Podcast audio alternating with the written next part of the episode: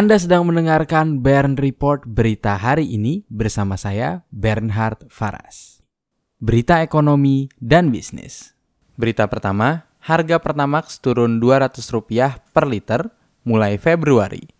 PT Pertamina Persero memangkas harga jual bahan bakar minyak atau yang biasa disebut BBM jenis Pertamax hingga Rp200 per liter.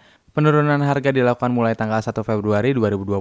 Untuk DKI Jakarta, harga BBM jenis Pertamax turun dari Rp9.200 menjadi Rp9.000 per liter. Sementara itu, Pertamina tetap mempertahankan harga BBM jenis lain seperti Pertamina Dex, Dexlite, dan Pertalite. Berita kedua, perusahaan SPBU asing tidak ada yang menurunkan harga jual. Dalam kurun waktu kurang dari satu bulan, Pertamina telah menurunkan harga bahan bakar minyak atau yang biasa disebut BBM umum non-subsidi, terutama Pertamax dan Pertamax Turbo. Sementara, beberapa perusahaan penyedia BBM lain justru menaikkan harga jual BBM mereka.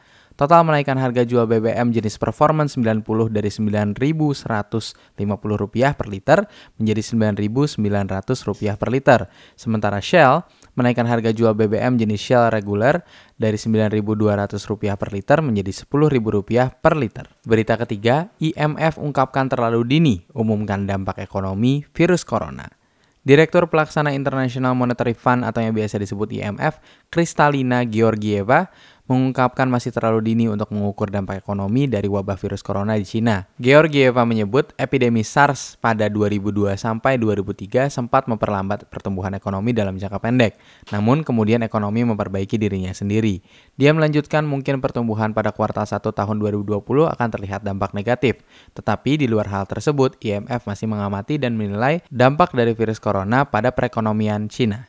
Berita keempat, nilai gagal bayar nasabah Jiwasraya dilaporkan naik. Anggota Komisi 6 Dewan Perwakilan Rakyat atau yang biasa disebut DPR dari fraksi Demokrat, Herman Hairun, mengatakan total gagal bayar atau tunggakan yang mesti dibayar ke nasabah PT Asuransi Jiwasraya Persero mengalami kenaikan menjadi 16 triliun rupiah. Angka tersebut muncul setelah dilakukan rapat Panja Jiwasraya Komisi 6 dengan Menteri BUMN di DPR beberapa waktu lalu.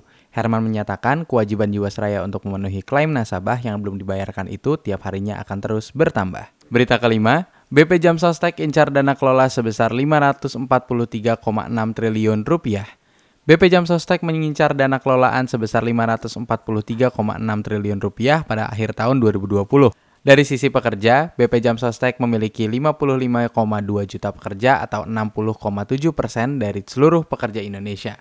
Sementara penambahan pemberi kerja mencapai 681 ribu atau naik 21,6 persen dibandingkan dengan tahun 2018. Berita ke-6, minuman boba menaikkan permintaan sewa pusat perbelanjaan. Boba bersama makanan dan minuman lainnya membuat tingkat okupansi retail modern semakin tinggi. Tercatat, keterisian tempat di pusat perbelanjaan naik menjadi 89,6 persen di tahun 2019, dari sebelumnya hanya 87,9 persen saja. Kendati tingkat okupansi bertumbuh, namun harga sewa diperkirakan masih akan bergerak mendatar. Hal ini lantaran pemilik lahan ingin fokus untuk mempertahankan penyewa mereka dan menarik tanah yang baru. Terima kasih sudah mendengarkan Bern Report berita hari ini. Jangan lupa untuk membagikan kanal ini kepada kerabat Anda, tekan tombol like dan subscribe untuk mendapatkan kabar terkini setiap pagi dari hari Senin hingga hari Jumat pada pukul 6.30 waktu Indonesia Barat. Saya Bernhard Faras pamit undur diri. Semangat selalu dalam menjalani hari ini.